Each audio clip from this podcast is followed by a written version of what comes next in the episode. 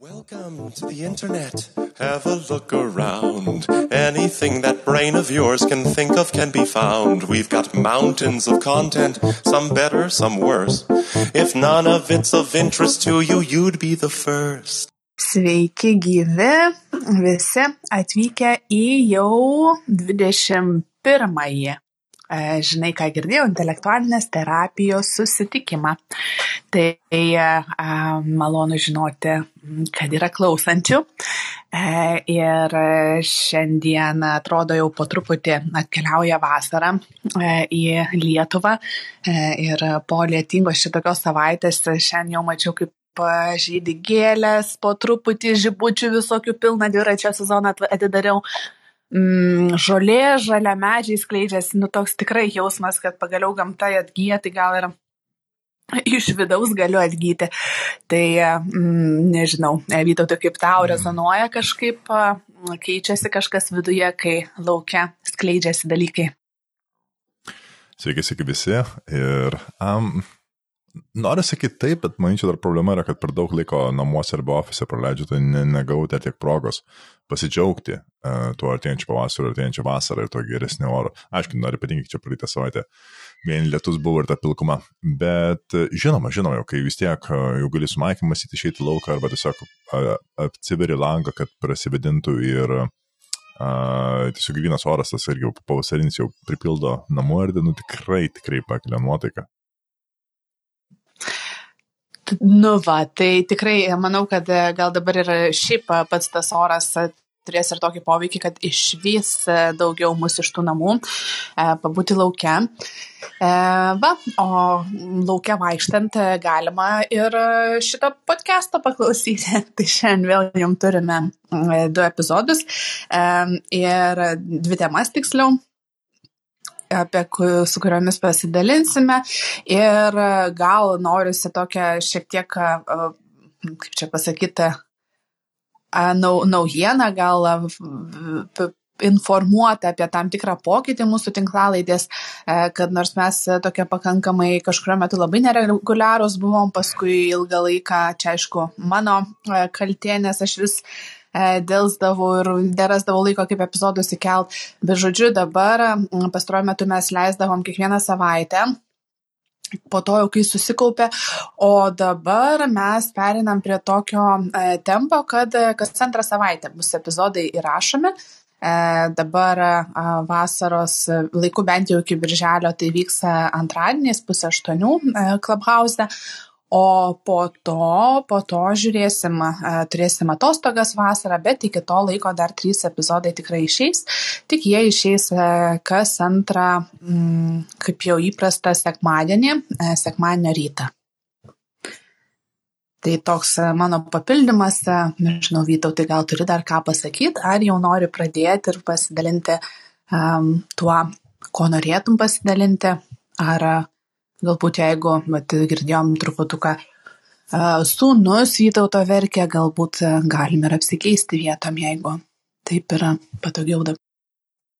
E, viskas ok. Um, aš tik tiesiog galvoju, um, man atrodo, ir tu ir aš mes tikrai norėtume, kad kuo daugiau žmonių um, dalyvautų ar prisidėtų, ar, nu, realiai, kuo daugiau žmonių, tuo daugiau idėjų, kuo daugiau idėjų, tai įdomiau. Ir man atrodo, tikrai mes norėtume, kad uh, jūs klausytojai irgi prisidėtumėt ir mes tiesiog galvojam, ar kokiu būdu tą padaryti. Ar tai būtų um, kažkokia dar ar Discord kūrimas, ar Facebook puslapio kūrimas, ar um, gal ankstesnis informavimas jūsų e, apie epizodus ir kokias temas bus gal taip labiau pakeisti. Um, šitą vietą, kadangi mūsų mes irgi, kaip sakyt, šitą visą projektą darome mm, savarankiškai, iš savų idėjų, savo gebėjimų, tikrai nesame geriausi, manyčiau, marketingo specialistai pasaulyje. Um, tad rimtai norėtume išgirsti iš jūsų. Tai parašykite arba man, arba Jėvai uh, Facebook'e. Ir, um, jo, ir ieškosime iš ko, nes mes tikrai norėtume pabendrauti su jumis, nežinome, kad yra jūsų, kurie pastovi klauso, mus tai yra tikrai smagu, širdį pakutena, kiekvieną kartą pamačius um, tas perklausas ir jo, tiesiog norėtume būti arčiau jūsų. Jo, ir visą laiką labai įdomu, kas klausosi, kas yra va tam kitam a, laido, virtualaus laido gale. E, ir visą laiką, nu, be proto, fainai, mes visą laiką vytautas man persinčia, aš persinčiu, kas nors parašo, kokį nors atsiliepimą, kokį komentarą, pasidalina kilusiom kažkokiom ar išvalgom, ar tiesiog pasako, kad aš jūsų klausausi. tai tas tada, nu, mus paskatina, manau, motivuoja ir toliau a, tą daryti.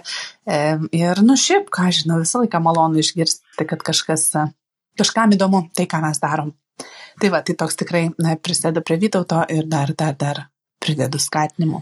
Nu ką, gerai, bet užteks šitos ilgos įžangos, aptariam visus techninius dalykus ir man atrodo, kad dabar jau galima pereiti prie pirmosios temos. Tai Vytautai, ką gero, naujo, įdomaus išgirdai, sužinojai. Taip, tai šiandienos tema bus apie vyrų psichologiją. Specifiškai. Um, Praeitą savaitę turėjau džiaugsmą antrą kartą sėsti savo kitame projekte, tiesiog podcast'e, uh, su Gediminu Matejūnu, kuris yra vienas iš gentys, vyrų gentys uh, projekto įkūrėjų ir facilitatorių, jis yra Lietuvoje. Uh, tie, kas nežino, gentys tai yra projektas būtent skirtas uh, sukurti mm, vyrų bendruomenę, vyrų gentis, tai yra tarp 60 žmonių, kurie susitinka kas savaitę ir jie um, aplinkoje, kurioje yra pasitikėjimas, kurioje yra atvirumas, kurioje yra atsakomybė, kalbasi, padeda vieni kitiems, bando, bando atrasti save ir realiai ten, jei neklystu, ar šešių savaičių, ar aštuonių savaičių yra pradžia tokia su facilitatorium, kad tiesiog suburti tą gentį kaip į grupę vyrų, nepažįstamų vyrų, kurie tiesiog vienas kitų pasitikė ir gali vienas kitam padėti. Um, jie paskui savarankiškai tos gentys gyvena, uh, ir, ir tie vyrai toliau susitikinėja, padeda tokį, nu, užsukūrė tokią bendruomenę, būtent šitą vietą. Ir aš čia galima iš karto pirmas klausimas, o tai, o kodėl čia vyro, kodėl moterų nėra? Ir manyčiau, šitam klausimui sakyti reikia tiesiog dalinai atsakyti. Yra pora statistikos, kurios, manyčiau, užteks. Tai pirmas dalykas. E, Lietuva, kaip mes žinome, ES yra dominuojanti šalis pagal vyrų savižudybę. Ir man, man atrodo, mes šitą trofėjų, šitą karūną jau laikome ne vieną dešimtmetį. Tikrai. Aš nepasižiūrėjau istorinių domenų, bet atsimenu, pirmą kartą gal šitą statistiką mačiau kokiais 2010-2012 ir tada tikrai pamenu, kad mes pagal savižudybės dominavom, tiesiog dominavom Europoje. Dabar mes jų nėra, kad taip vien drastiškai nuo antros vietos, bet mes vis dar esame stipriai prieki. Um, tai, e, bet kitas aspektas labai svarbus, kalbant apie vyrų savižudybės, yra apie savižudybės bendrai Lietuvoje, kad e, santykis tarp vyrų ir moterių yra didžiulis.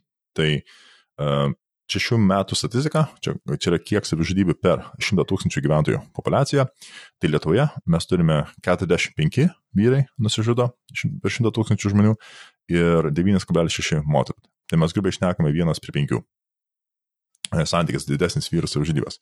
Aišku, savižudybė čia aišku nėra mm, tiesioginė e, koreliacija, bet tikrai manyčiau galima e, prielaidas daryti, kad būtent mm, psichologiniai efektai, sutrikimai, pagalbos trūkumas, neturėjimas gal net um, įrankių, kaip apie savo emocinę sveikatą šnekėtis, um, su kuo kalbėtis ir turėti palaikymą, yra vienas iš veiksnių, kuris tikrai prisideda prie šitos mūsų liūdnos statistikos.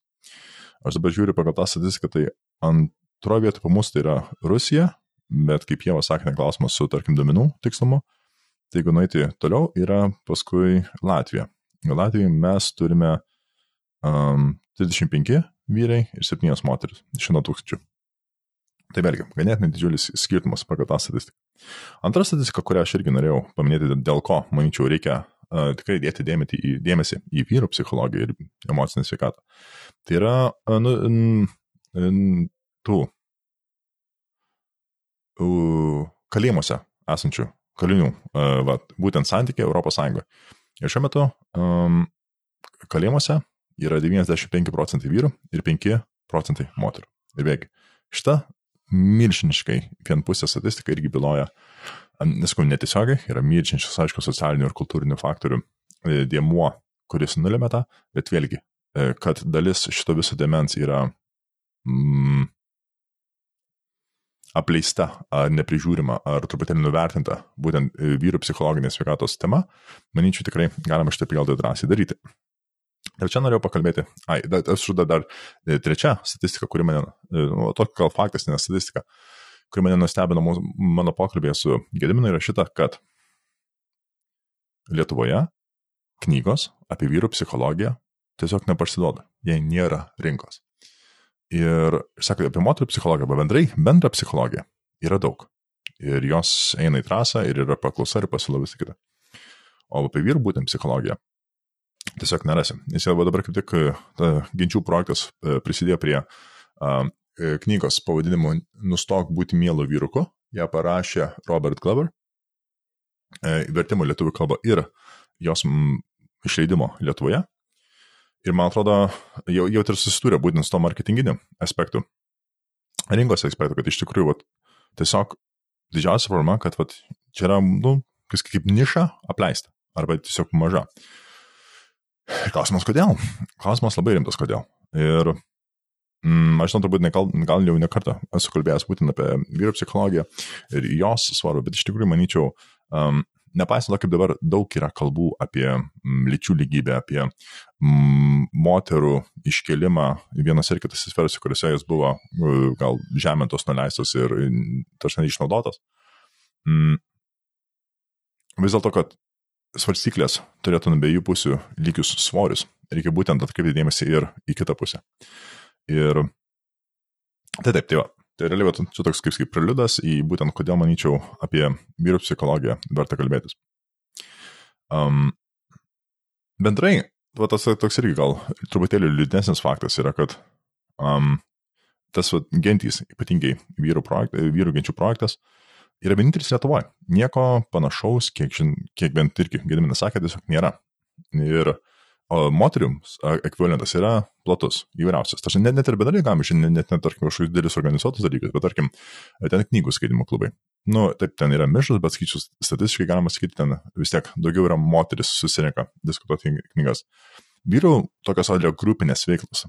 Mm, dažnai būna susijusios, tai aišku, tuomet bikerius, tarkim, kaip pavyzdžiai, Um, ten turime, aišku, dažnai būna su alkoholiu susijusius visus dalykus, bet vat, jie tokie gal, čia gal truputėlį stereotipino šitą vietą, bet, sakyčiau, tokiuose širkštesnėse aplinkose, kur nebūtinai mm, yra galimybė iš tikrųjų būti išgirstam, iš, išklausytam, pačiam bu, bu, turėti vietą iš tikrųjų artikuliuoti savo mintis ir pažiūrėti, ką tu manai, ką tu galvoji. Um, Ir jau būtent vyrų gentis iš privat tą siekia padaryti, tą padėti. Ir tai pirmas dalykas, jie ką nori, tai e, suteikti įrankius tau, gebėti išartikuliuoti savo mintis, gebėti pasitikėti kitais vyrais. Antras dalykas - iš, išgirsti, išklausyti kitą pilnai. Trečias dalykas - išmokti konstruktyviai konfliktuoti, nes čia, e, bent kaip Gilminas paskiria, viena iš tokių um, temų, kur daug vyrų paslysta, tiesiog nemoka sveikai konfliktuoti, nes tą reikia mokėti, nemoka sveikai nubrėžti linijų. Ir tada mes turime arba visišką vengimą kovos, arba kaip tik per didelį agresyvumą, kas veikia, nu, konstruktyviai jokio diskursų nekuria. E, iš to, iš to aspektų pusės. Um, ir paskui galų gale e, būtent turėti tokią bent mažą bendruomenę, 60 žmonių, vyrų, kurie tave palaikys, kurie tave supras, nes irgi turbūt eina pro panašius dalykus gyvenime. Ir manyčiau, čia Uh, bet čia klausimas, įdomu, ar kontroversiškas šitas sakinys, ne, bet to sužinosim. Vyrai ir moteris turi truputėlį kitokius iššūkius gyvenime. Iš uh, asmeninės pusės, iš šeimos pusės, iš visuomeninės pusės, e, iš darbinės pusės, iš karinės pusės, jeigu mes šnekame, būtent kadangi gyvename greta dabar jau karinio atviro karšto konflikto. Ir šitą reikia tarsi kaip faktą priimti ir kaip jiem kaip faktą, vadinasi, ieškoti įrankių, kurie būtent padeda spręsti problemas susijusią su šitais skirtumais, būtent specifiškai vyrams. Um, apleisti šitą yra absurdas, mano galva. Ne tik absurdas, bet čia skaičiu net nusikalstama. Iš dalies, jeigu kas nors aktyviai eina prieš šitą. Kadangi vadinasi, ėjimas prieš tokį projektą diktuoja tik vieną faktą, kad uh, tu žmogu manai, kad yra kažkokia populiacijos dalis, kuriai nereikėtų gebėti susitvarkyti su savo emocijom, kuriai nereikėtų rūpinti savo emocinę sveikatą, psichologinę sveikatą, kuriai nereikėtų gebėti e, išsakyti save ir, ir nereikėtų būti išgirtiems. Ir manau, jeigu tu žmogau tokius dalykus kalbi, tai tu reikia labai uh, nuoširdžiai, šaltai pasižiūrėti veidotį ir pagalvoti iš tikrųjų, kokiam tu vertybėm ir kokias ideologijas mastai. Man taip atrodo. Jo. Um, kitas dalykas, uh, kodėl mane uh, žavi tokia vat idėja uh, vyrų genčių, yra, kad tai yra būtent tai yra ne vien su vienu, tai yra grupė žmonių. Ir kaip žinome, visi, skaičiau, ar tai tau reikia atsistoti kalbėti prieš klasę, prieš auditoriją, m, prieš savo kolegas, ar kur tai būtų grupėje, šnekėtis yra sunkiau. O dabar įsivaizduok, jeigu tu atsistoji prieš grupę, pasi, pasakai tai, ką nori pasakyti, gal pasidalinti tai, ko bijai, tai, ko droviesi, tai, ko, mm, tai kas tau yra ypatingai nepatogu. Ir ne tik tais, kad grupė žmonių tave išklauso, kurie gal irgi ten atrodo ir, tarkim, ar fiziškai kažkokie didžiuliai rūstus ar kažkas tokio, ar, ar kaip tik tokie, tarkim, iš atstumiančią kūno kalbą žiūri. Bet ne, jie tave priema, išgirsti dar pasiūlo, kaip tau padėti. Ir kiti jie pasidalina irgi tokiais atvirais dalykais. Ir tu tiesi pala. Tai šitais vyrais galiu pasitikėti. Hm, įdomu. Ir vienarytiškai dabar galvoju, vienas iš labai dažnų sutinkamų m, tokių temų gal ar, ar alegorijų, būtent e, knygose ir istorijose apie karą, yra būtent brolybės šitą idėją. Kad vat, tie, tie vyrai, kurie išeina į karą ir, kaip sako, ten, tarkim, guli apkasuose ar ar kažkokiam tiesiog dalyvavom karinio konflikte ir, ir paskui sveikai grįžti namo. Jiems vienas iš, vienas iš ketinių dalykų yra tas, kad aš negaliu palikti savo brolių. Kaip, arba, tarkim, jeigu buvo pašauti, jiems tenka anksčiau e, palikti e, karinę zoną. Jie jaučia milžinišką kaltę, gėdą, kad jie dabar yra va čia kažkur saugiai, o jų broliai, tas, vėlgi tiesiog tie, tie vyrai, su kuriais jie turi tokį artimą ryšį, Jie yra fronto linijose, jie kovoja, jie toliau rizikuoja savo gyvybę, vardan tos misijos ar kažkokios idėjas, kurias jie nori apginti. Ir va tas brolybės aspektas tikrai yra svarbus, manyčiau. Ir panašu, kad aš, aišku, nesu virginčių narys, tiesiog čia, kaip sakyti, ekstrapoliuoju iš tai, e, iš mūsų jau antro pokalbio su Gediminu, kad būtent vienas iš tų aspektų būtent yra tokio sukurti mažą brolybės grupę, kurie tu jausi, kad turi palaikymą, jausi, kad turi užnugarį, jausi, kad rasi pagalbą, kada to jos reikia. Ir aš nežinau, ar yra kas nors sveiko proto žmogus, kuris oponuotų tokiam, tokiam projektui, nuoširdžiai. Mes pasirodo, ten mes irgi truputėlį užkusio pašnekėm, jie jau uh, buvo gavę uh, bandymų cancelinti visą jų projektą, bando bandymų cancelinti jų idėją. Čia gal tiesiog labai, labai, labai nesiplečiam, bet Yra, yra vis dėlto tokių, tokių žmonių. Um, ir aš paskui atsimenu, pirmo pokalbio su jais. O Vytautai, atsiprašau, Taip. o tu gal e, žinai, tas e, bandymas cancelant buvo iš vyro ar iš moterų? Iš moterų. Specifiškai. Iš moterų? Mhm. Ha. Jo, jo. Okay, įdomu. Tai jo, jo, šitas buvo. Ir aš atsimenu, um, man pirmo pokalbio su Gediminu ir Vaidotu, kuris, Vaidotas Ambruzaitis irgi, iš, iš vyrų genčių. Man tokia mintis tiesiog toptelio. Dabar e, ten, jei neklystų, vyrų yra 25 gentis. Nu, tai, tarkim, 200-250 vyrų, kurie būtent jau eina apie tokią programą, jie, jie kalbasi giliai, nuoširdžiai, atvirai, m, sprendžia problemas, rūpinasi savim, auga, yra atsakingi už save ir už, saky, už kitus. Ir, ir aš galvoju, kaip nuostabu, kai yra visuomenė va toks mažas judėjimas, kuris auga, po truputį jis sėkmingai auga ir jo pasiekoje tiesiog yra pilnavertiškesni vyrai, žmonės, kurie um, tampa geresni tėvai, geresni vyrai, žmonos atžvilgiu, ar, ar draugės, ar sugyventinės, geresni darbuotojai, geresni visuomenės nariai. Ir kokį tai iš tikrųjų pozityvų efektą turi visiems kitiems aspektams gyvenimo, ne tik tais jų asmeninė, psichologija. Ir čia iš tikrųjų, mums nereikia ten, atsimenu, pokalbio, jeigu ta mintis buvo, kad, na, jeigu namuose gali susitvarkyti savo, e, savo santykius su savo žmona, su savo partneriu. Ir kiek tai paskui nuaidi per visas kitas sferas. Tai dabar jeigu su savimi jau gali susitvarkyti arba ant šito dirbi, tai kaip tas jau vėlgi dar labiau, nu, kaip dar fundamentalesnis lygmo, nuo kurio paskui viskas toliau aidi. Ir vėlgi, tai mes, skau, per, per santykius, e, e, per tiesioginius darbus, per atsakomybės, per visą tą mm, visuomeniškumą ar mm, pilietiškumą, per, kurią tik prizmę, man atrodo. Ir aš tiesiog, nu, aš tikau, tai o kas to turėtų nenorėti, nu, taip akivaizdu. Bet, bet, bet vėlgi, statistika rodo, kad vis dėlto čia yra tikrai um, apleista tema. Ir man tiesiog gal truputėlį irgi čia, tokia gal užbaigiant, yra apmaudu, kad dažniausiai vyrai, čia gal sakau jau savo dalinosi, dažniausiai vyrai kalba nuoširdžiai apie tos dalykus, kuriems rūpia emocijas, santykius, um, negandas, dalykus, kuris nepatogu, mirtis, kas būtų. Yra prisigeria arba išgeria. Ir problema tame yra, kad tai dažniausiai sėdi du vyrai, ar ten grupėje vyrai, ir jie tiesiog yra, vyksta kratinys monologų.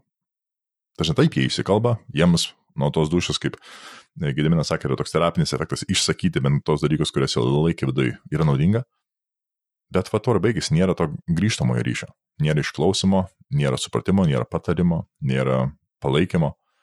Ir galvoju, kaip yra absurdiška, kad taip pat yra toks visuomeninis standartas. Tik tais girtiems, apsikabinus, išsakyti, kad aš tave myliu, išsakyti, kad aš tave gerbiu, kad tu man rūpi, kad aš to padėsiu bet kada. Keista, bet tai yra standartas. Tai, tai ja, tiesiog gal norėčiau, uh, nežinau, net kaip čia užžiūrėti, kad nereikia pleisti iš tos temos. Reikia rūpintis visais žmonėmis. Vyrais, moterimis, vaikais, žmonėmis su negalėmis viskuom. Ir manyčiau, dabar ypatingai vakarų visuomenės labai gerai stengiasi būtent tas silpnasis visuomenės grandis, nuskriaustosius, jų teisės gerbti, jų um, prižiūrėti galimybės. Super, teisingai to ir reikia. Tačiau negalima apleisti irgi pusę populacijos, grubiai šnekant, nes tai yra absurdas ir idėja, kai kurie žmonės vis dėlto ar samoningai, ar pasąmoningai to siekia, kas mano galva tiesiog yra absurdas. Tai va. Tiek. Hmm. Uh, Ok, ačiū už pasidalinimą. Man tai tiek, žinai, beklausant Lindo pavyzdžių į galvą, kurie um, pa, pa, pailustruoja dar visą tai, ką tu pasakoji. Um, pavyzdžiui, apie tą patį, kad vyrai kalba tik išgerus, uh, kaip tik šiandien vienas klientas dalinosi, sako, um, nu va, buvau savaitgalį uh, susitikęs su, ir beje, tas vyko ne Lietuvoje, o užsienį ir, ir labai pro, vakarietiškojo šaly. Um, ir vienoje iš Skandinavijos šalių. Ir tai šiaurinė, nu žodžiu, nesvarbu. Um, bet jo, jisai tą ir sakė, sako, kažkaip mes biški išgėrėm ir aš sugalvojau, ten vienas iš ten buvusių vyrų, sako, aš šiaip gerai nepažinau, jis nėra kažkoks man labai geras pažįstamas, nu, bet alkoholis padarė savo, pradėjo pasakoti apie savo vaikus, kaip jisai jaučiasi, kaip apskritai, kaip jisai kaip tas veikia vaikai jo santykius, ten ir gyvenimą šiaip. Ir aš jo paklausiau, kaip tu jautėsi, kas pasikeitė tavo gyvenime, ar pasikeitė tada, kai gimė tavo vaikas. Ir e, sako, stoja tokia pauzė ir sako, manęs niekada tos nėra, niekas to nėra klausęs. Ir e, sako, mes pradėjom tom temom kalbėti ir aš taip Nes jisai pats, e, tas klientas, kažkaip dar visai neseniai mes kalbėjom prieš kelias konsultacijas ir jisai minėjo, sako, aš neturiu su ko pasišnekėti apie va, tos dalykus, kuriuos mes čia terapijoje išnekamės. Ir sako, vienintelis, e, va, galbūt va, yra viena draugė, su kuria aš apie tai dalinuosi.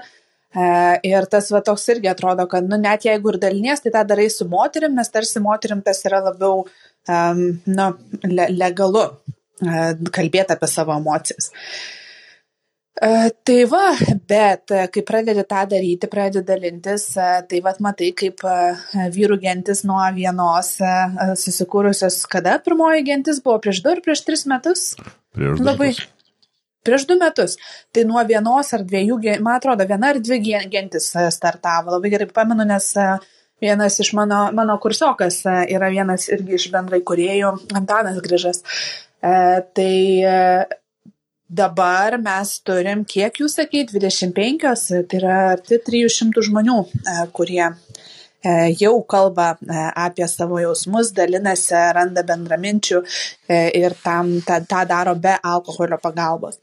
Tai aš manau, kad galima žiūrėti tai ir pozityviai, kad jau atsiranda tokių iniciatyvų, jos auga, vadinasi, jos turi paklausą, bet e, turbūt dar nepasiekė tokio lygio, kad tas būtų pakankamai, na, bendrai visuomenėje mm, drąstu kalbėti apie, tas, apie, kažkokį, apie savo jausmus, apie kažkokius nesugebėjimus ir panašiai. E, ir čia, žinai, galvojant, ar tas tikrai tik Lietuvoje, um, galima labai pasižiūrėti į vakarietiškas visokias ar komedijas, ar, ar, ar e, filmus, kurie, kaip juose demonstruojamos tos problemos. Ir kaip tik vienas toks, nu, visiškai ten, ten mano mėgstamas TV šou um, Brooklyn Nine-Nine apie policijos nuovadą, aš gal kažkada esu kokią epizodą iš ten pasakojęs.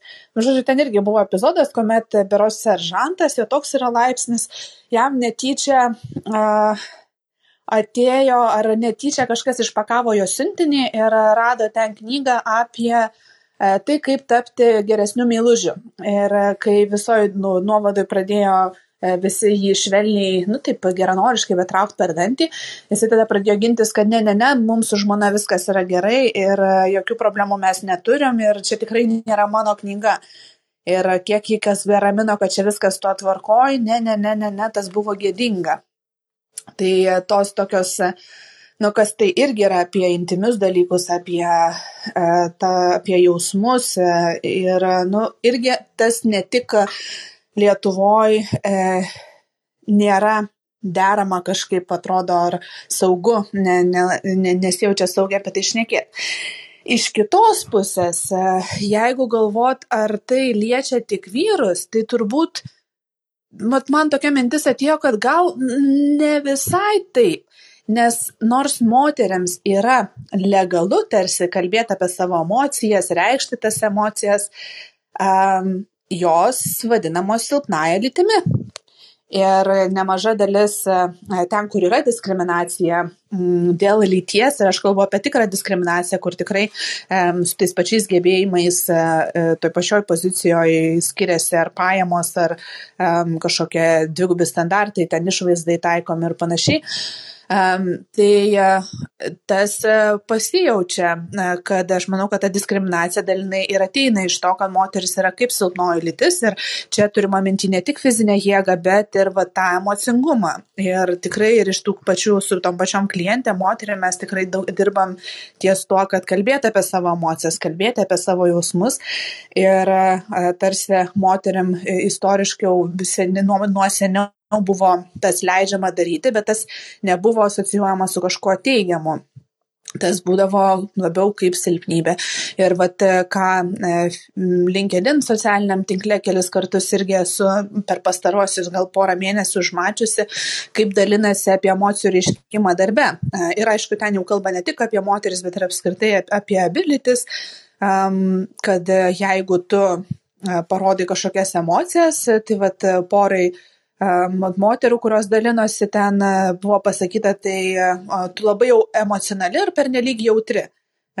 Mažiau jautriau, netaip jautriai reaguok ir viskas čia su tavim susitvarkys ir viskas bus gerai. Ir tenais vyrai irgi dalinosi apie tą svarbą galėti emocijas rodyti darbe ir ten buvo visokių ginčių, net gal kad darbam, darbe tam nebeta ir panašiai. Nu, žodžiu, tai tas emocijų e, raiška apskritai, jinai e, legalizavimas, tas emocijas jausti reikšti, kalbėti apie jas, apie savo jausmus, išgyvenimus, patirtis, e, tendencija auga ir manau, kad, nu, gal, nu, jau ir mūsų kartai po truputį jau irgi tas labiau yra priimtina ir pas tą patį psichologą eiti ir nesvarbu, ar tu vyras ar moteris, bet tikrai daugiau drąsos žmonės turi ir čia mano tik tai prielaida ir galbūt jinai yra seksistinė, bet man atrodo, kad jeigu a, vyrų gentis išpopuliarės dar labiau ir jos ir toliau auks tokiu tempu, kokiu jos dabar auga, tai ir moteriams bus žymiai lengviau tas emocijas reikšti ir nebūti dėl to uh, nuvertinamam kaip uh, pernelyg jautriom, emocionaliom ar silpno, silpnosios lyties atstovė. Mhm, jo, pritariu, pritariu to. Aš dabar atsimenu e, postdaką, kai buvau, buvo tokia viena paskaita, kuri vadinasi um, Mums reikia daugiau verkti darbe. Na, šitoks provokatyvus pavadinimas. Nu, bet realiai irgi buvo iš dalies kalbėjo apie tą būtent sukūrimą darbo vietoje aplinką, kad tu galėtum, jeigu tu reikia įsiverkti, įsiverksi, jeigu ten reikia mosis išlėti, išlėti ir visą kitą. Ir iš vienos pusės, man atrodo, jie tikrai tai yra teisinga metis, į teisingą pusę einanti, bet man atrodo, ką aš dažnai matau diskusijose apie emocijas, ir gal ypatingai su darbovietė, man atrodo, tos diskusijos yra per mažos rezoliucijos. Ką turiu minį? Jeigu mano darbas yra, nežinau, nesvarbu ką daryti, at, registratūrai būti priimti klientus ar kas tai būtų nesvarbu. Ir jeigu aš pastoviai verkiu, tai klausimas, ar aš atlieku savo darbą, labai tiesiogiai. Ir... Čia jau tokį kraštutinumą labai nueini. Jo, jo, ne, tai žinoma, tai reikia pradėti nuo kraštutinumų, kad paskui galėtum susimažinti. Tai Aš sakau, nes galiu paimti du kraštutinumus. Žmogus, kuris nulį emocijų rodo ir kuris tik emocijom gyvena, ne? Nu, tarkim, čia starting pointas. Ir abu yra blogai. Man atrodo, visi galėtume sutikti, kad yra abu blogai. Gerai. Vad nuo čia reikia pradėti šnekėtis. Kad, nes dažnai patikima, kad, o, mes einame tik tais mes daug tą emocijų atvirumą ir taip, gerai, bet to what point? Ir va šitą, va šitą dalyką, va labai, atrodo, net vos nevengiama e, diskutuoti. Nes pirmą nelabai žinom, kas yra priimtina, nes turbūt yra subjektivu iš dalies. Nu, subjektivu nuo darbo aplinkos, nuo darbo specifikos, e, nuo bendro kolektyvo požiūrio į um, įvairių emocijų lėlimas. Yra tiek daug įvairių socialinių faktorių, kad iš dalies net atrodo vengiamas šitas pokalbis, kas man, man galva labai neteisinga yra. Aš nesakau, kad vienas ar kitas kraštutinumas gerai, kaip tik ne. Bet, va dabar ta pilkuma, kurioje sutinkame visi gyvenam štai vietai, reikia pradėti šnekėtis. Ir mm, aš tai tokio, bet irgi, mm, niuansinio požiūrio, kad emocijas, aišku, reikia rodyti, tas džiaugsmas ir emocija reikia rodyti. Palaima, jeigu ten kažką sėkmingai padarai, ar pasidžiaugti kartu su kolega, kad, o kažkas čia reikia taip, nu, nuliūsti reikia, kažkas ne, nepavyko visą kitą. Bet reikia nepamiršti, emocijos yra ir įrankis, yra ir ginklas, kurį vėlgi vieni žmonės labai gerai moka iš prie kitų. Gal čia tiesiog aš esu labiau jautresnis šitam dalykui, kadangi atėjus iš universitetą ir atėjus iš STEM uh, sičių, vėlgi fizikai, inžinieriai, um, ypatingai gal vyrų tarpe, yra daug vyrų, kurie nemoka tiesiog um, tvarkytis su žmonėmis, nežinai kaip patiems elgtis, kai kitas žmogus pradeda verkti prie jų. Ir nes tada aš galėčiau sakyti, tai nėra blogas argumentas, tik jis irgi žemos rezoliucijos, kad jeigu, nes tikslas kaip, kad darbo aplinkoje jausimės patogiai, bet jeigu mano kolegos verkimas mane privačiai jausis nepatogiai, tai dabar kas turėtų būti keičiama? Ar mano požiūris į verkimą, ar to žmogaus um, viešo verkimo paraiška? Ir nežinau. Ir čia jau reikia diskutuoti. Ir reikia diskutuoti kiekvienoje šitoj situacijai kiekvienoje aplinkoje. Bet va šita diskusija dažniausiai yra vengiama, nes manoma, vėlgi tokia yra prielaida ar aksioma, kad kuo daugiau emocijų išreikšti, tuo yra geriau. Yra tame tiesos, bet ne visiška tiesa. Ir va tiesiog šitą tokį niuansą norėčiau pridėti dar prie tavo komentaro. Um, nu, tai Šiaip žiūrint ir apie tą, patį, tą pačią mm, lyčių lygybę, kažkada visuomenė buvo tam kraštutinume patriarchato. E, toliau kitas kraštutinumas, į kurį nušoko, buvo feminizmas, iš kurio mes dar turbūt, nu, neišėjom, bet jo turbūt reikėjo tam, kad, nu, nes jeigu tu labai um, ten kruopelytėm barstysi, uh, feminizmo kruopelytėm uh, arba lygių teisų kruopelytėm patriarchatą, tai, nu, matyt, nelabai tokio efekto sukursi. Tada atsirado feminizmas, kuris, nu, dėjo kumščių į stalą ir, ir, ir sudrebino tą nuostatą, kad čia, vat, vyrai turėtų dominuoti. O dabar jau, kai tame buvo tas kraštutinumas, dabar po truputį jau lenda ir tos idėjos apie e, lyčių, e, apie apskritai lygybę. E, nepriklausomai nuo tavo lyties, e, ne moterų lygybė, ne ten vyrų lygybė, bet e, apskritai žmonių lygybę. O darbe, tai turbūt, nu, aš mano nuomonė, toj situacijoje, kaip va tu sakai, jeigu ten man nepatogu, kai kažkas verkia, kieno čia dabar atsakomybė, kas čia turi keistis, ar aš kuriam nepatogu, ar tas, kuris verkia, na, nu, manau, kad čia turėtų būti įtraukiamas tokiuose situacijose visą laiką žmogių HR-as žmonių žmogus e, įmonėje, e, vengiu kažkaip to termino, bet tai čaras irgi yra žmogiškiai ištekliai, kas taip labai jau taip baisiai skamba, su, su, su labai tas sudaiktinamas žmogus. Nu, nesvarbu, bet e, tada įsitraukti į čaras ir galvoti galbūt apie tai, o tai kokie galbūt mokymai yra reikalingi, tai kaip reaguoti į kito žmogaus emocijas.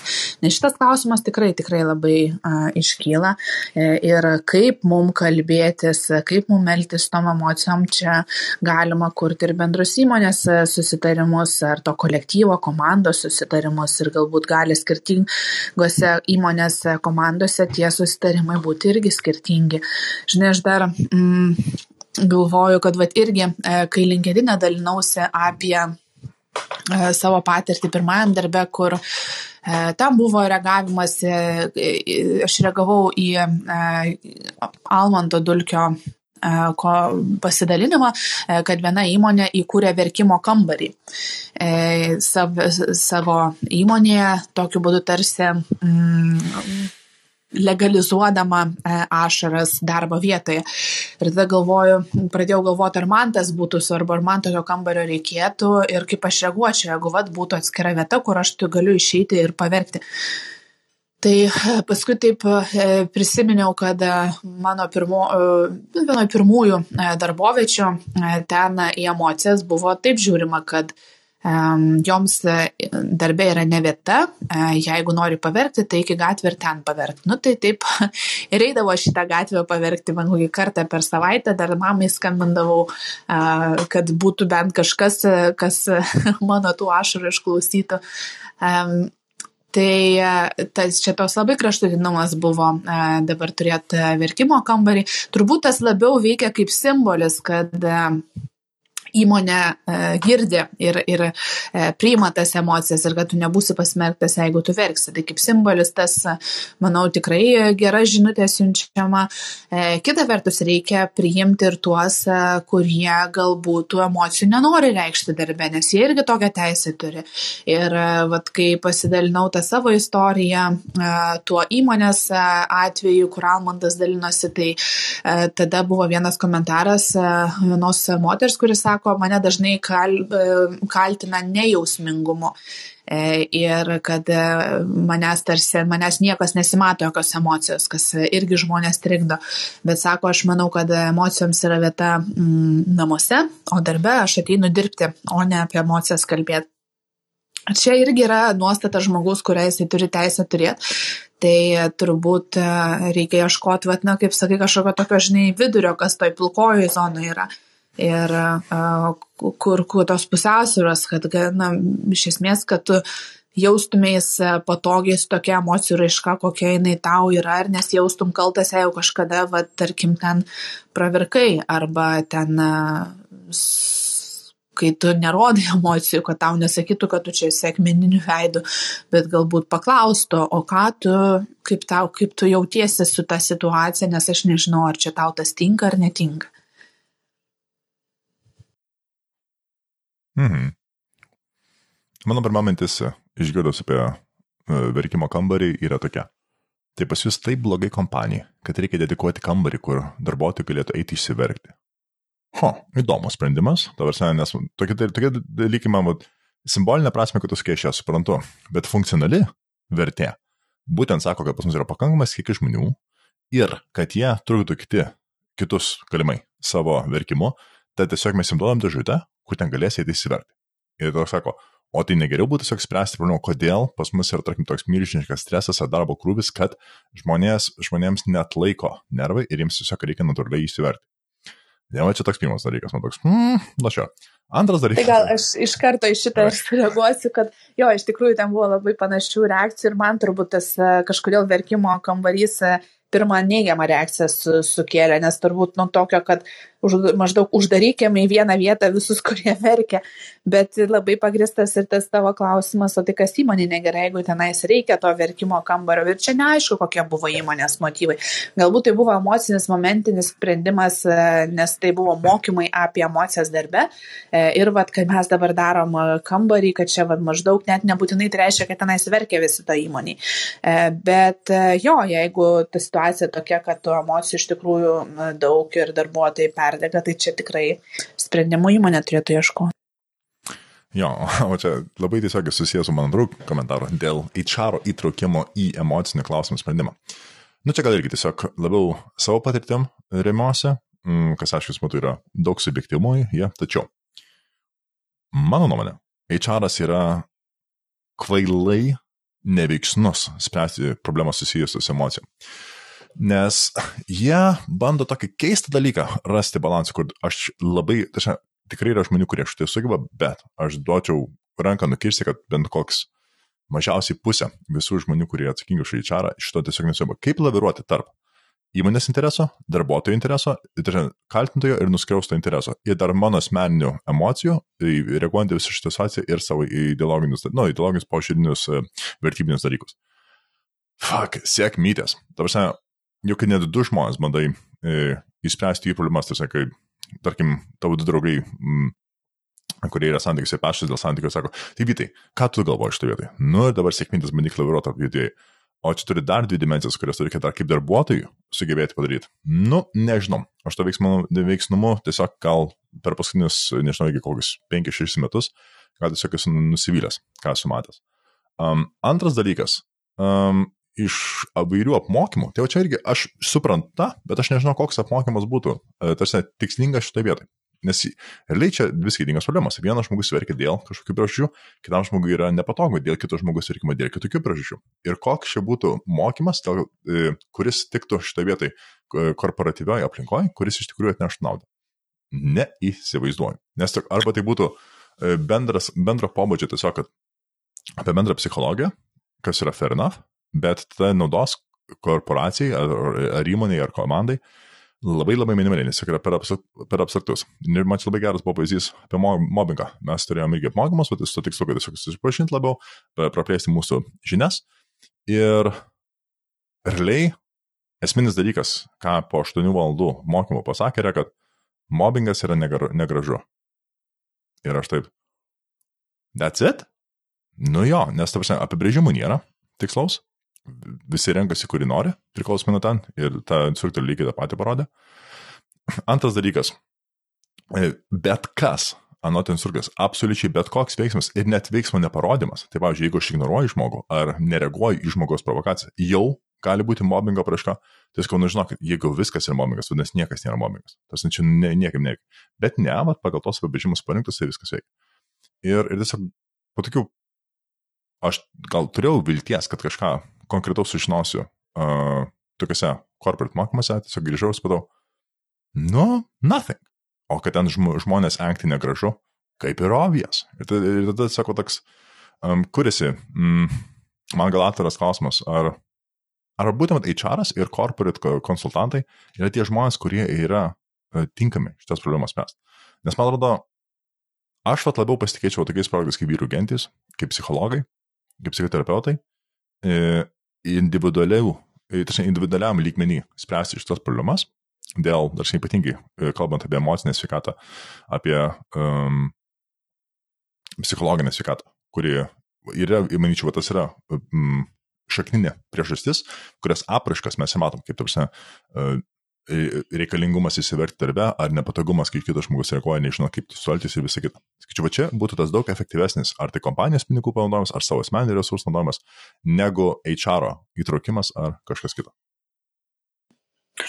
Nu, bet žiūrėk, tu pats palauktų, pats sakei, kad e, jeigu e, įmonė tiek daug verkiančių, tai gal tada įmonė turėtų kažką imtis, e, kažkokių veiksmų. Tai aš supran, nu, sutinku, kad ribotos galbūt yra galimybės į čaro, bet jos nėra nulinės. Yra tie patys mokymai mokymom nelygus ir turbūt šitoj vietoj, na, aš kokius esu vedus, bet ten labiau buvo, na, tokia trumpoki tie, labiau nemokymai, bet seminaras paskaita su praktiniam užduotim. E, bet jis gana trumpas buvo, ne 8 valandų, bet per ilgesnius mokymus tikrai galima um, bent nu, kažkokiu turėti praktinių užsiemimų ir tie mokymai vadinasi uh, pirmoji emocinė pagalba, kaip padėti savo ir kitam. Ir mes ten kalbėjom, būtent kaip susitvarkyti su savo emocijom, ką daryti, vat, kai jos umiai, umiai kyla ir kaip reaguoti į kito žmogaus emocijas. E, tai tokie nu, du, du pagrindiniai klausimai, kuriuos bandėm per tos mokymus atsakyti. O dabar HR turbūt, kuomet, na, aš manau, kad čia labai priklauso, kiek HR yra įgalus spręs konfliktus tarp darbuotojų ir tarp na, pavaldinių ir vadovų, tai labai priklauso nuo įmonės kultūros. Ir yra tikrai um, tokių, norėčiau sakyti, gal Nu, yra tikrai tokių įmonių, kurios e, yra pakankamai lygiavertis tas santykis ir nėra skirstoma, kad jeigu aš esu tavo vadovas, tai tu manęs negali man pasakyti nei e, konstruktyvios kritikos, nei kažkaip, žinai, pasakyti, kad tau galbūt nelabai patinka, kaip aš elgiuosi. Tai um, Tai va, e, tai manau labai priklauso nuo kultūros. Antra, e, nu, turbūt yra konfliktai ne tik tarp e, pavaldinių ir vadovų, skirtingo lygio darbuotojų, bet tie konfliktai ir tam pačiam lygiu būna. Ir tada jau kaip juos spręsti, tai nebūtinai kartais tai gali būti čaro įsikišimas kaip tokio neutralaus trečias mens ir jeigu tai yra didelė įmonė ir tas konfliktas yra ne tarp valdančio galbūt aparato žmonių, kuriem galbūt priklauso ar kažkaip tiesiogiai susiję susijęs um, bet e, tai yra kažkokia kitas padalinys, tai manau, kad HR gali kaip trečias asmo įsijungti ir atlikti tą mediatoriaus funkciją, bet aišku, jis turi būti apmokytas tą daryti. Arba tam tikrom problemom turbūt galima ieškoti tų e, mokymų išorinių kažkokių konsultantų, kad išoriniai konsultantai tą spręstų. Aišku, būna tikrai tokių konfliktų, kur yra e, nu, reikia žiūrėti naudos, derinti, kaip čia, kaip va, tu sakai, suderinti naudą įmonį ir naudą darbuotojui ir tenais tada plėšaisi. Um, tai tokių situacijų sunkių, nu, niekur neišvengsi, bet, nu, vėlgi, sakau, kad HR ta galia, jinai galimybė spręsti konfliktus nėra nulinė. Tai va, turbūt tą norėjau pasakyti. Mhm. E, sutinku, aš du paskutiniai turbūt komentarai iš manęs. Um, dėl HR įgalumo. Aš sutinku, kad HR nėra nulinis iš įgalumo pusės. Aš labiau kalbu ne iš HR kaip skyrius, bet iš HR dirbančio žmogaus, kuris būtent turi atstovauti keturis skirtingus interesus vienu metu ir sugebėti šitą padaryti laviruojant tarp jų visų. Nes natūraliai, bet, žinai, čia bet kokio, bet kokio dydžio kompanijai, tas žmogus, kuris atsakingas už personalą, jis ateina į konflikto tarkim, medijavimą, kaip tu sakai, jeigu jis net yra, jis ar jie yra apmokyta, um, su šitais kitais dalykais. Turi mąstyti apie žmogus, kuris kaltina kito interesus, žmogus yra apkaltintas interesus, uh, įmonės interesus ir ketvirtas savo asmeninius vertybinius interesus. Yra žmonių, kurie šitą sugeba ir aš jiems ploju ir gerbiu ir fantastika. Tačiau čia yra toks aukšto, aukštos kompetencijos ir įgūdžių paketas, kur sakyčiau, statistiškai galim, darau prielaidą, kad tiesiog realiai to negalima tikėtis. Ir tada nesi, tiesiog e, elementariai ne, nesakau, kad tai yra neveiksnus, tiesiog veiksnumas bus netoks aukštas, gal kaip vilimasi. E, antras dalykas. Aš sakau, taip, būtent reikia kažką daryti. Bet mano pointas, kad yra, tai problemas spręsti yra, reikia iki būtinai jas spręsti. Ir va tada, pavyzdžiui, jeigu įvyksta kažkokia, tarkim, vėlgi, emocinės sveikatos problemos įmonėje, tai aš sakyčiau, kad tos pinigus, kuris meta į corporate mokymus, geriau investuoti į e, darbuotojų, e, tarkim, savaitinę ar ten mėnesiui kažkiek laiko psichologo e, sesijas.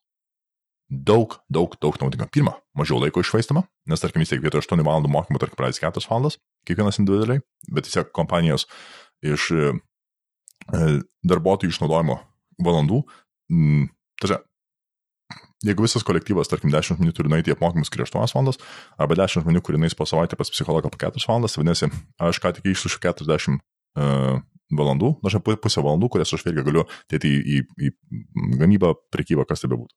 Tai čia aš išlošiu. Uh, dėl finansinio klausimo, dar čia klausimas, kuris būtų pigesnis ilginiu. Bet trečia, aš garantuoju, kad šitoje vietoje um, nauda, kurią ir žmonės, kurie eis pas psichologą, ir uh, pati įmonė gaus, bus daug didesnė negu prie vieną dieną atsidėti mokymuose, m, apie emocinius dalykus, kurie yra bendro, skaičiu, kaip tai yra bendro spektro, bet aišku, nesprendžiantis jokių individualių problemų. Ir aš nesakau, kad aš, taip, e, tie mokymai tokie, kodėl e, emocinės sveikatos pirmos pagalbos yra labai teisingi, juos reikia, bet kiekvienas žmogus sėdintis tame kambarį turi skirtingą emocinį intelektų lygmenį. Ir dėti bendrą mokymą, tokiam, dažnai, kad žmonės visi kažką gautų naudingo, yra naudinga, bet jeigu aš matau, mąstu apie efektyvumą, našumą, iš, arba jeigu net jau labai um, korporatyviai išnekant, gražą, kurią mano investicija man neša, tai sakyčiau, individuali pagalba kolektyvui bus daug, daug, daug našesnė už tą pinigą, kurį investuoji, negu bendri mokymai ar HR įstrukimas. Nu, tokie du mano paskutiniai gal komentarai. Ok, o tada kaip tokioj situacijai, kai komandai susipyksta du žmonės, jie tarpusavį turi dirbti, bet šaudosi ten ugnimis vienas į kitą. Ir ką tada daryti? Tai juos abu siūsti terapiją?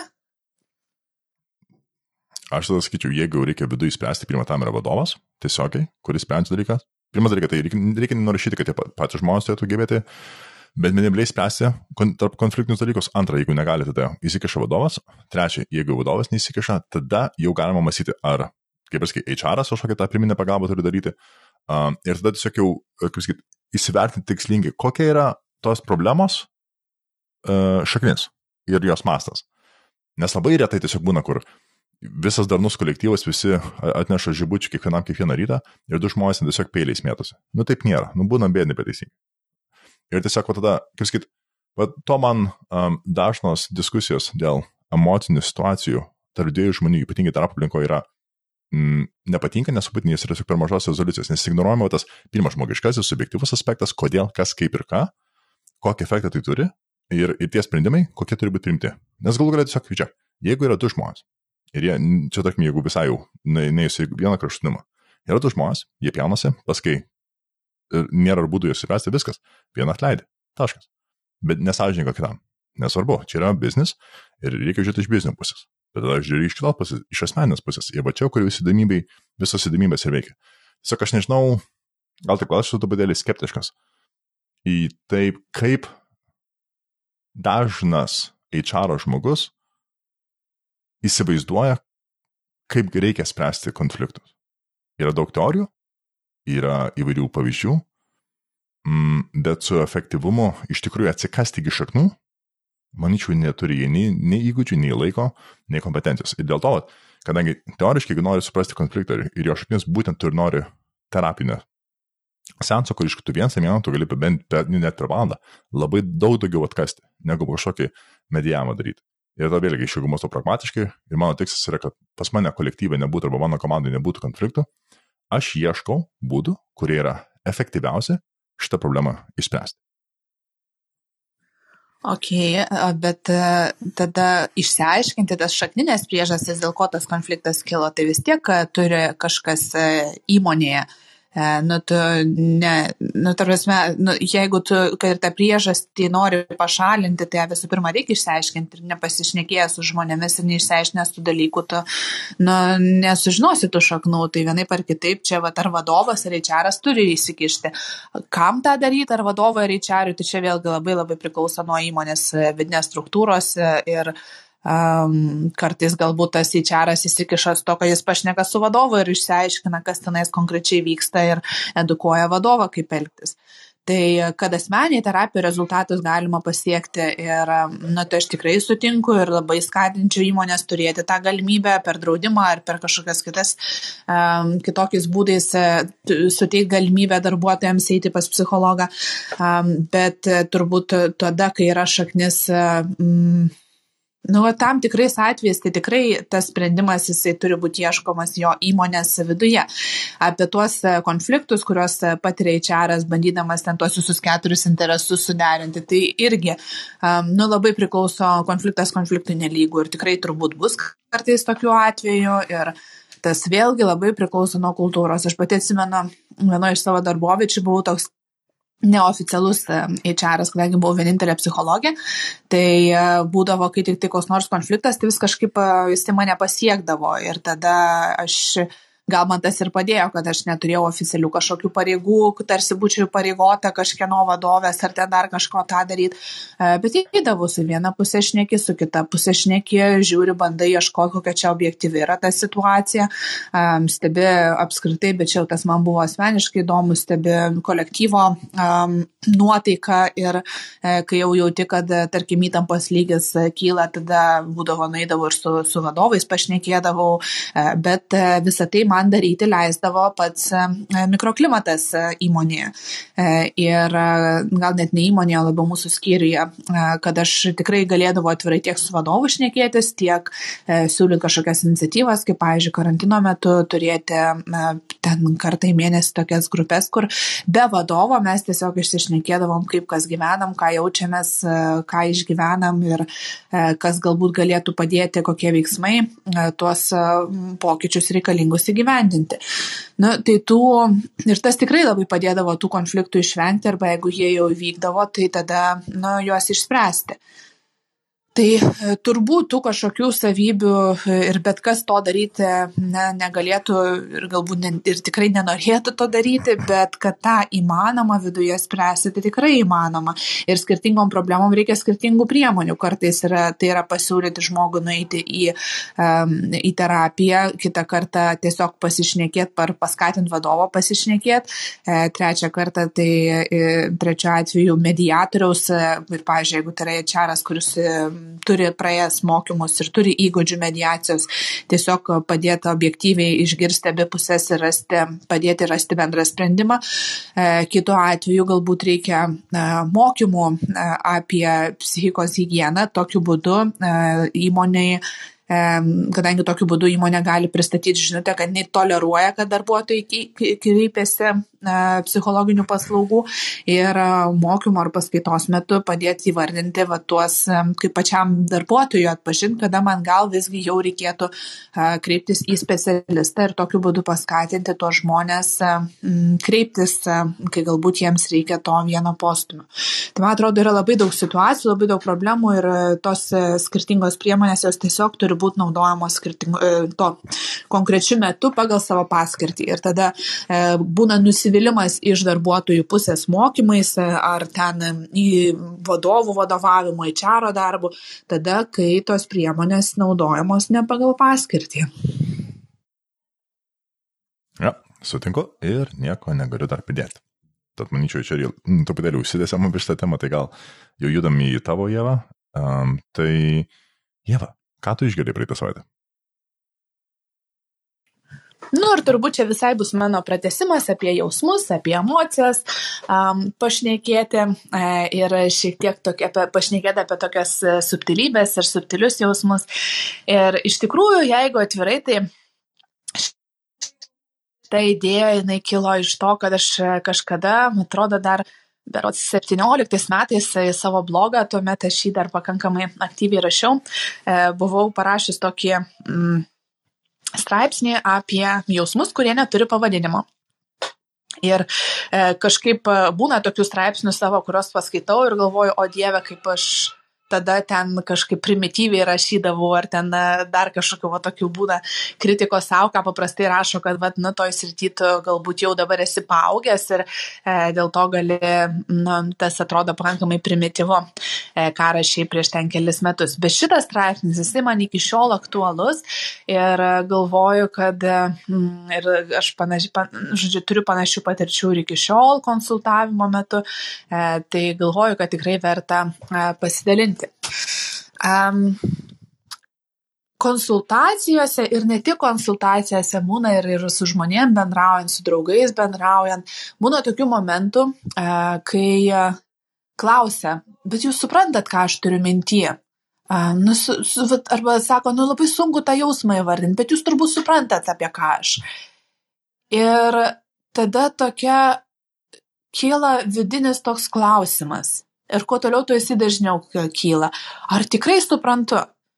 Ar tikrai aš galiu maždaug įsivaizduoti, bet tai, ką aš įsivaizduosiu apie to žmogaus jausmą, bus labiau turbūt e, galbūt mano patirtimi paremta, e, bet nebūtinai tiksliai tai, ką žmogus sako.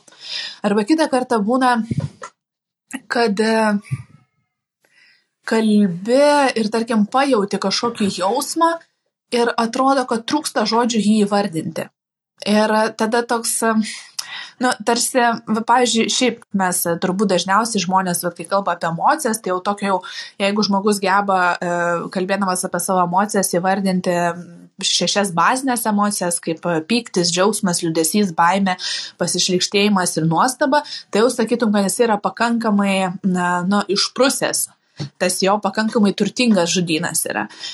Bet vėlgi, būna tokių momentų, kai tų šešių žodžių neužtenka ir tada jautiesi tarsi pamatęs didelį gyvūną su ilgu kaklu ir plemuotų kūnų e, rudom dėmėm nusėtų, bandytum tą gyvūną pavadinti vienu iš šešių kitų žinomų, tokių kaip begemoto, stručio, drugelio, pandos, tigro ir šums.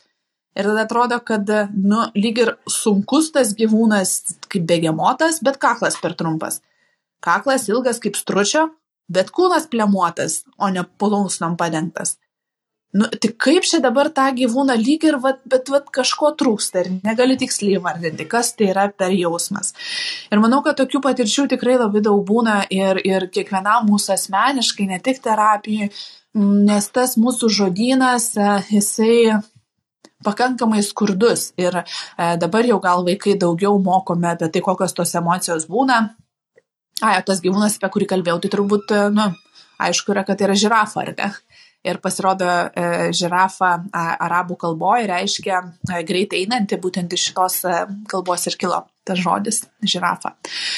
Tai va, ir dabar kodėl visą tada apie ką čia yra ta įžanga, prie ko jinai veda, apie tuos sunkiai vardyjamus pojūčius ar jausmus, patirtis, dėl to, kad yra toksai Dictionary of Obscure Sorrows.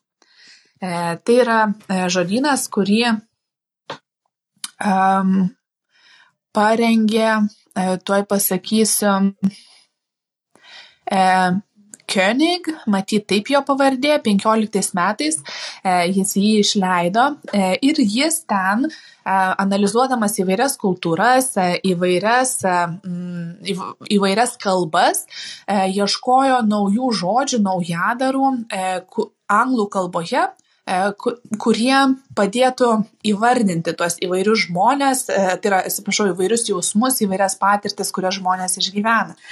Ir labai labai daug tokių, na, na tą žodyną atsivertus e, galima rasti, nu, labai daug įvairių žodžių, kur labai mm, gali tapatintis. Ir dabar galvoju, tuoj e, gal galiu vieną iš pavyzdžių ir paskaityti, jeigu jį kartais netyčia neištryniau. Bet turbūt aš jį būsiu kažkaip jis man. Ai va, taip, radau tai va vienas iš tokių pavyzdžių yra būtent apie tą e, frustraciją apie kurią kalbėjau kai na nei vienas e, žinomas žodis e, netinka apibūdint tam ką jauti. Vadinasi lutalika. Nežinau kaip tiksliai kirčiuojas ar lutalika ar lutalika Ir kiekvienas iš tų žodžių turi savo aprašymą. Ir būtent šito žodžio aprašymas skamba taip, išvertus lietuvių kalbą, angliškai kaip e, ras, įdėsiu nuorodą. Lutalika. Ir tada supranti, kad mes esame tik nepažįstamieji, kurie mano, kad jau žinome, ką kitas žmogus pasakys.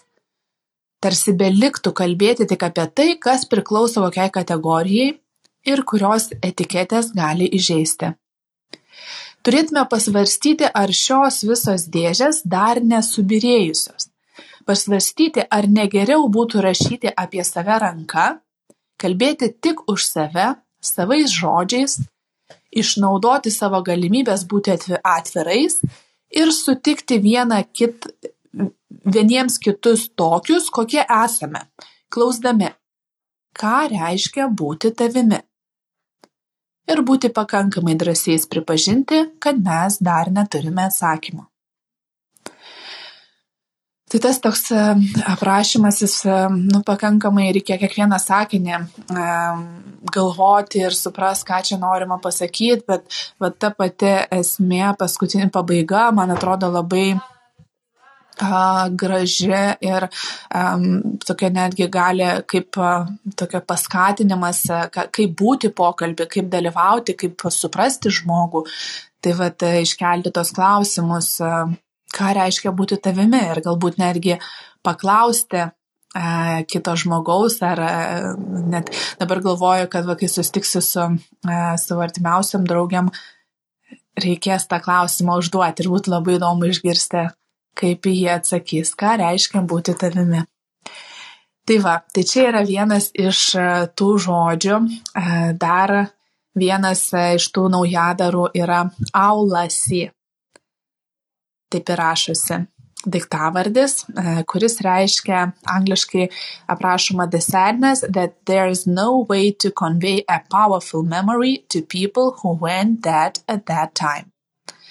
Tai e, liudesys, kuris aplanko um, supratus, kad nėra jokio būdo uh, perteikti tą na, įspūdingą, uh, galingą atsiminimą tiems žmonėms, kurie tada, kada tas įvykis vyko, e, nedalyvavo. Dar vienas, e, kuris mane kartais aplanko jausmas tikrai. Um, aš atsimenu, uh, jo, tas gerai, gal pirmą pristatysiu patį žodį, tai yra lacheism, the desire to be struck by disaster, to survive a plane crash or to lose everything in a fire.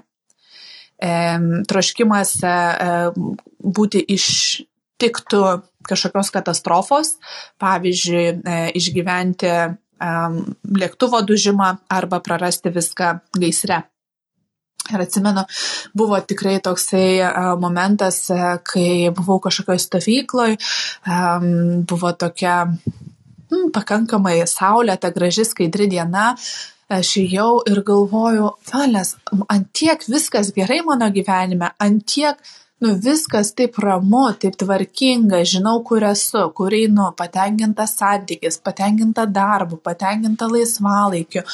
Nu viskuo, atrodo, viskas taip gerai, nu kad net kažkoks diskomfortas. Ir aš jau tuo momentu pro tokį prūdą, kur visi, visa stovykla sakė, kad yra žiauriai šaltas vanduo. Ir man toks didžiulis, didžiulis impulsas kilo šokti į tą prūdą, kad kažkaip sudrebinta visą ramybę, kurioje gyvenau. Nu, tai jau dabar labai seniai to jausmo nesu turėjusi, bet va tą akimirką jį patyriau labai labai ryškiai. Ir tada galvojant, kodėl, e, bandant ieškoti va, tų priežasčių, dėl ko mes, e, e, nu, kodėl taip yra, kad mes neturime, nerandame žodžių, m, tai labai tas gali būti susiję ir su mūsų kultūra, kiek mes, kokioje mes aplinkoje augam, kokie žodžiai išnyksta, kokie atsiranda. Ir pavyzdžiui, vat kaip tik mes su tavim Vytautai kalbėjom apie tos žodžius, bet čia tinka tas pavyzdys, kad amerikiečiai yra pasiskolinę iš vokiečių du žodžius - Freudenfreude ir Schadenfreude. Tai Freudenfreude yra žodis, kai apibūdinti būseną, kuri, kai tu džiaugiesi už kito um, žmogaus pasiekimus. Kai kitas žmogus džiaugiasi ir tu tada džiaugiesi, kad jam vad sekasi gerai. Lietuviai irgi, kaip ir mes su Vytautu bandėm ieškoti žodžio, tarsi nerado, o kaip apibūdinti, ar mes lietuvių kalboje turim tokį žodį. O tuo tarpu Schadenfreude, tai yra, lietuviai šitą žodį turi ir jis yra pikdžiuga. Kai tu džiaugiesi, kad kitam nepasisekė. Tai va, tai juokiamės, kad tai yra nacionalinė lietuvio emocija, kad mes džiaugiamės, kai kaimyno tvartas dega.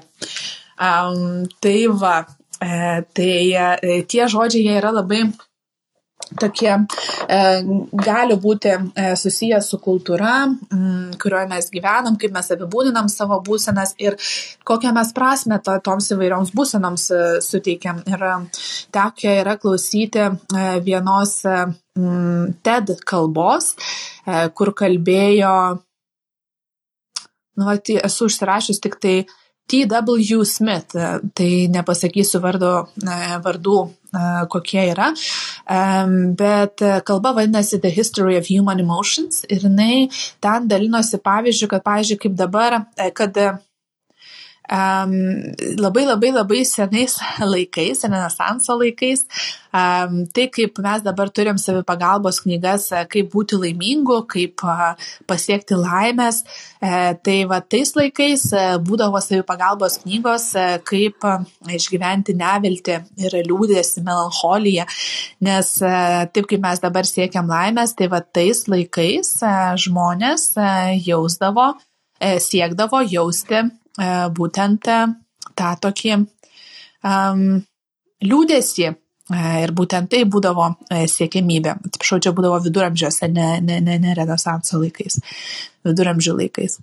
Um, tai va, tai dabar šiais laikais mes visai kitokių emocijų norim, mes kitaip jas galbūt ir um, mes gal net nelabai ir mokomės apibūdinti savo tas būsenas ir apsiribojam, kaip jautiesi, ačiū gerai, ačiū blogai. Um, bet va to žodino uh, plėtimas gali tikrai labai daug mums duoti. Ir ši čia to paties Kionigo uh, frazė, kurią jisai uh, dalinasi, kuri man labai surezonavo. That's the power of words to make us feel less alone. Kad tai yra žodžio gale leisti mums pasijusti mažiau vienišais.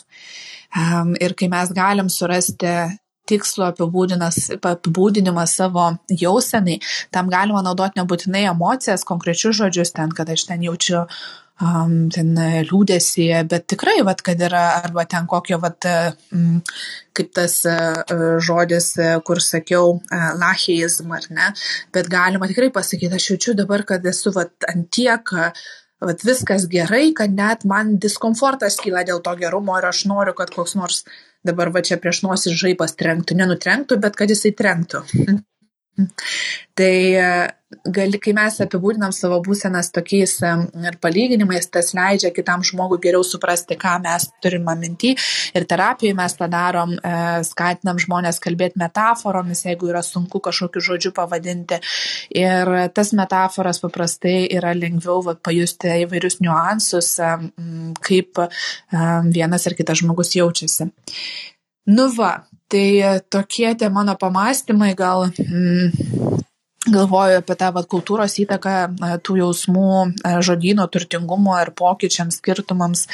Um, gal čia ta kultūros įtaka labiau e, turima, e, duoda įtakos, kodėl vienas kalbos e, turi tam tikrus žodžius, kitos neturi, bet, žodžiu, yra turbūt daugiau visokių niuansų, kodėl yra kaip yra. Bet vat, e, turim tokią galimybę e, bandyti, jeigu norim jaustis mažiau vienišais ir geriau suprastais, e, stengti savo būsenas įvardinti, ar tai pasinaudojant to Dictionary of Obscure Sorrows, ar galbūt naudojant metaforas, kitaip bandant įvardinti žodžius. Nice, nice, labai, labai faina tema tikrai. Ir um, aš kažkaip gausiu, kad aš paskutinis gal kokį mėnesį, porą kartų apie šitą sugalvojęs dalinai. Ir, bet aš galvoju, nu, iš lingvistinės pusės apie žodžius ir galvoju, bet jeigu aš žinote, tarkim, specifinio žodžio, specifinio kažkokį tikslų žodį, ir jeigu jį naudoju savo žodinę, ar tai reiškia, kad ir kitas žmogus tą, tai ar galiu daryti prielaidą, kad kitas žmogus tą irgi žodį žinos ir mane supras. Ir, tarkim, emocija, manyčiau, tai labai geras pavyzdys, nes jeigu, tarkim, aš sakau, aš jaučiu uh, nežinau, tą pačią ar pikdžiuką, ar ten ar širdgėlą, ar, ar kokią kitą emociją, nu, vietoj tų, žinai, bazinių šešių, tarkim. Um, o klausimas, ar tokį, žinai, žodį naudojant, ar aš galiu daryti prielaidą, kad žmogus tikrai supranta, ką aš čia ne. Ir aš galvoju, hm, nežinau. Ir atrodo, kad būtent no, metaforo naudojimas yra daug tikslesnis būdas, kadangi tada jau net gali matydamas, kaip žmogus uh, klausosi ir ar tavo metafora jam ar jai rezonuoja, tu tiksliau žinosi, ar va, tas mano emocijos išreiškimas, e, tarkim, ta ilgesnė metafora, vis dėlto e, perdavė tą, tą jausmą, tą žinutę, kurią aš norėjau perduoti, ar ne. Ir aš dabar atsimenu, kažkur buvau seniai matęs, toks yra ratas, jau irgi ten kažkaip jis vadinasi um, jo, jausmų ratas, tiesiog toks kaip grafikas, ir ten jos centre yra e, tos šešios pagrindinės emocijos, ir paskui į kuo toliau į nišą tiesiog duodu didesnį detalumą. Na, tarkim, kaip pavyzdys būtų. Tarkim, kaip jautiesi blogai. Nu, čia, tarkim, tas vidinis ratas. Tada jau detaliau eitų, aha, blogai. Ką reiškia blogai? Tai reiškia, ar tu esi bored, busy, stressed or tired. Tai blogai jaučiasi, ar tai man, aš, man nuobodu, ar aš esu užsiemęs, ar aš stresuoju, ar aš esu pavargęs. Nu, tarkim, esu um, nu, man nuobodu, bored. Bet aš šitą dar galiu patikslinti. Tai, tai, tai klausimas, pavyzdžiui, būtų, ar tu esi indifferent ar apathetic. Ar tiesiog, tau dzin, ar tu esi ap apatetiškas nusteikęs visiškai. Nu, žinau, nu, nuriškai prieš. Ir, ir va čia, kas, kad jau galėjau tą irgi emocinį tikslumą, va, susitarkim, iš šitų anglų kalbos e, žodynų ir iš tų emocinių ratų irgi įmesim linką. Gali pasitestuoti, pirmą, ar žinai tos visus jausmus, ar juos supranti, ką jie reiškia, e, ir ar supranti skirtumus tarp jų, iš ko jie ateina, Ir, ir, ir tikrai, šitas nauda, nu, tikrai privalo turėti, mano galva. Bet, tačiau, iš dviejų pusių pirma, tai aišku, iš savo asmeninių emocijų supratimo, įgarsinimo mm, ir susigyvenimo ir pergyvenimo ir perjautimo jų. Bet antra jo, iš tiesiog perdavimo tai, ką tu jauti kitam žmogui. Kas visą laiką yra, manyčiau, net sudėtingiau. Tai čia tokios uh, pormitijų. O, o dar aš atsidariau tą irgi Dictionary of uh, uh, Obscure Sorrows, žiūrėjau, gal kitų įdomesnių žodžių radau. Tai vienas toks labai fainas keta. Yra irgi diktavadis keta, kuris reiškia an image that inexplicably leaps back into your mind from the distant past. Nu, tai kažkoks vaizdinys, kuris tiesiog prieš akis atsiranda iš praeities. Niekas nežino. Galvoju, jo, tikrai tai būna. Ir galvoju, oh, kaip faina, kad kažkas sugalvoja tam žinai, daug labai labai įdomių yra. Um, ir aišku, šitie visi anglų kalba. Tai įdomu, pirmą, ar um, kažkas yra pabandęs daryti panašų dalyką lietuvių kalbą, gal čia Blonskis realiai to padarė prieš gerą šimtą metų, mm, bet ar dabar kažkas yra kažką panašias, panašaus bandęs daryti, ne, nežinau. Na, aš irgi nežinau, ar, ar lietuvių e, kažkas yra daręs. Aš e, vis bandau, e, skaitydama tą, klausydama Brené Brown e, knygos Atlas of the Heart, ten yra 87 emocijos, ieškoti kiekvienai iš jų atitikmenų ir tikrai ne visoms pavyksta tą atitikmenį rasti. Tai nežinau, gal mes prieisim iki tos tam vytautai, kad tu, kadangi kaip mėgsti žodžius galvoti, susėsim kartu ir pabandysim tiem angliškiam žodžiam lietuviškus atitikmenis sugalvoti ir tada galėsim um, sukurti tą lietuvišką uh, tavo emocijų žodino uh, versiją. O dėl tų visų O jau jaučiu, kaip man galva dabar tuščia, bet viskas 9 valandos jau mano mąstymas ir dėmesys labai riboti pasidaro. Um, ai, apie e, tą patirties apibūdinimą savo. Vat vienas yra metaforomis, dar pagalvojau šiaip, e, kiekvieną patirtį apibūdint, kad tai nebūtų, nu, vat, o tai ką reiškia širdgėla, ar ne? Atrodo, kad lyg ir aišku, bet lyg ir toks neužtikrintumas girdint apie ką čia. Mm, tai yra mm, emocijos, ar ne, ta vat emocija, tada yra mintis ir elgesys. Ir galbūt tada galima e, apibūdinti savo, kad ta patirtis, arba čia galima mes paklausti, aha, okay, o, tai, o tai apie ką čia yra, vat, ką, šir, širgėla dėl ko, kas paprastai mums leidžia, ir gal dar tada situacija yra, turbūt irgi galima situaciją klausti, dar vienas dėmo, tai kokia situacija kilo, tada kokios, apie ką, ką tu apie tai galvoji, apie tą situaciją, kokios to mintis kyla kyla ir nu, tai ką, tu, ką tau norisi daryti ar ko nedaryti šitoje situacijoje, kad tą tokią nu, patirtį geriau suprasti žmogaus. Kitas dalykas, pavyzdžiui, yra toksai tai appsas Mood Meter kuris remiasi teorija, kad, nu, žodžiu, kaip padėti žmogui įvardinti emociją, jeigu jis, tarkim, jam gana sunku surasti žodžių. Tai yra dvi dimensijos - energijos lygis ir tai yra ar aukštas energijos lygis, ar žemas energijos lygis e, ir maloni ar nemaloni emocija. Tai vad gaunasi tokie keturi kvadratai. Aukšta energija nemaloni, aukšta energija maloni, žema energija nemaloni ir žema energija maloni. Na nu, ir, pavyzdžiui, dabar bandau aš savo būseną apibūdinti. Um, nu, energija tai tikrai žema ir būsena, nu, gal tokia miksas tarp malonios ir nemalonios, bet tai vienasi gali būti, kad aš dvi emocijas jaučiu vienu metu, tarkim, imkim nemalonę ir tada čia išlenda mm, įvairus, e, va toks kvadratas su daug mažų kvadračiukų ir aš galiu per tuos e, kvadračiukus e, ant jų spausti ir man iš karto meta žodžius, aišku, čia viskas yra anglų kalba. Depressed, hopeless, sullen, exhausted, fatigued, žodžiu, pavargęs, išsekęs. Um, kai kurių žodžių aš net nežinau, kaip lietuvių kalba išvers, nors tarsi suprantu, ką jie reiškia jausmiškai, spent, ne, toks atrodo išsišvaistęs kažkaip depresyvus e, ir panašiai. Tai va e, toks e, tarsi bandymas padės žmogui įvardinti, pradedant nuo to, kad tu įvardinti energijos lygį ir ar tai yra maloni ar nemaloni emocija. Tai čia jau kalbant apie tai, kaip treniruoti save, tas emocijas labiau pažinti ir turtinti savo žodyną. Jo, jo, čia tik, oi, tik, tik pritarti galiu ir um, Tai tikrai, manyčiau, viena iš tokių mano tropų, kurie jau nekartą minėjęs, kad o, dar vienas nuostabus pavyzdys, kodėl labai reikia mokytis ir suprasti ir atkreipti dėmesį ir lavinti savo kalbą, savo lingvistinius sugebėjimus, uh, savo žodyną platinti ir jo, iš emocinio pusės tik tais irgi nauda čia nais. Nu ką, tai turbūt, kad galim gal e, šią gaidą ir e, užbaigti. Vytautai, su kokia emocija išeini šį vakarą? Paprasčiausiai sakyčiau, patenkintas. Kokia tu? o jeigu vienu žodžiu reikėtų mm, rami, šiek tiek pavargusi, bet uh, ir besidžiaugianti savo, nu, diena, kurią pragyvenau.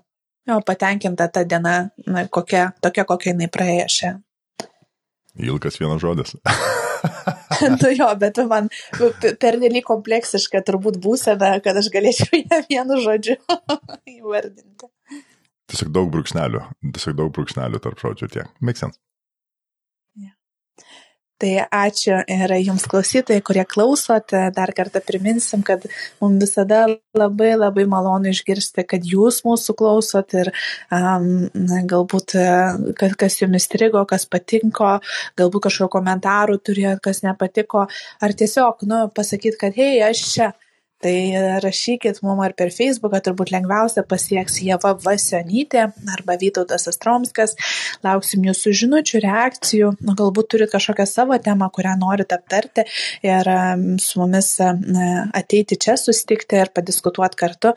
Mes labai labai labai laukiam. O jeigu turit kažkokių idėjų dėl erdvės, kuri jums būtų patogesnė, jeigu asmeniškai rašyti kažkaip nepatogu, nors mes tai tik tai apsidžiaugsim, bet kokią žinutę, nu, galbūt tai yra ar, ar tas pas Facebookas, ar tai yra Instagramas, ar tai yra e, YouTube kanalas, e, ar, ar čia Clubhouse'as, kažkokios iš karto, iš anksto paskelbus, kokios tos temos bus.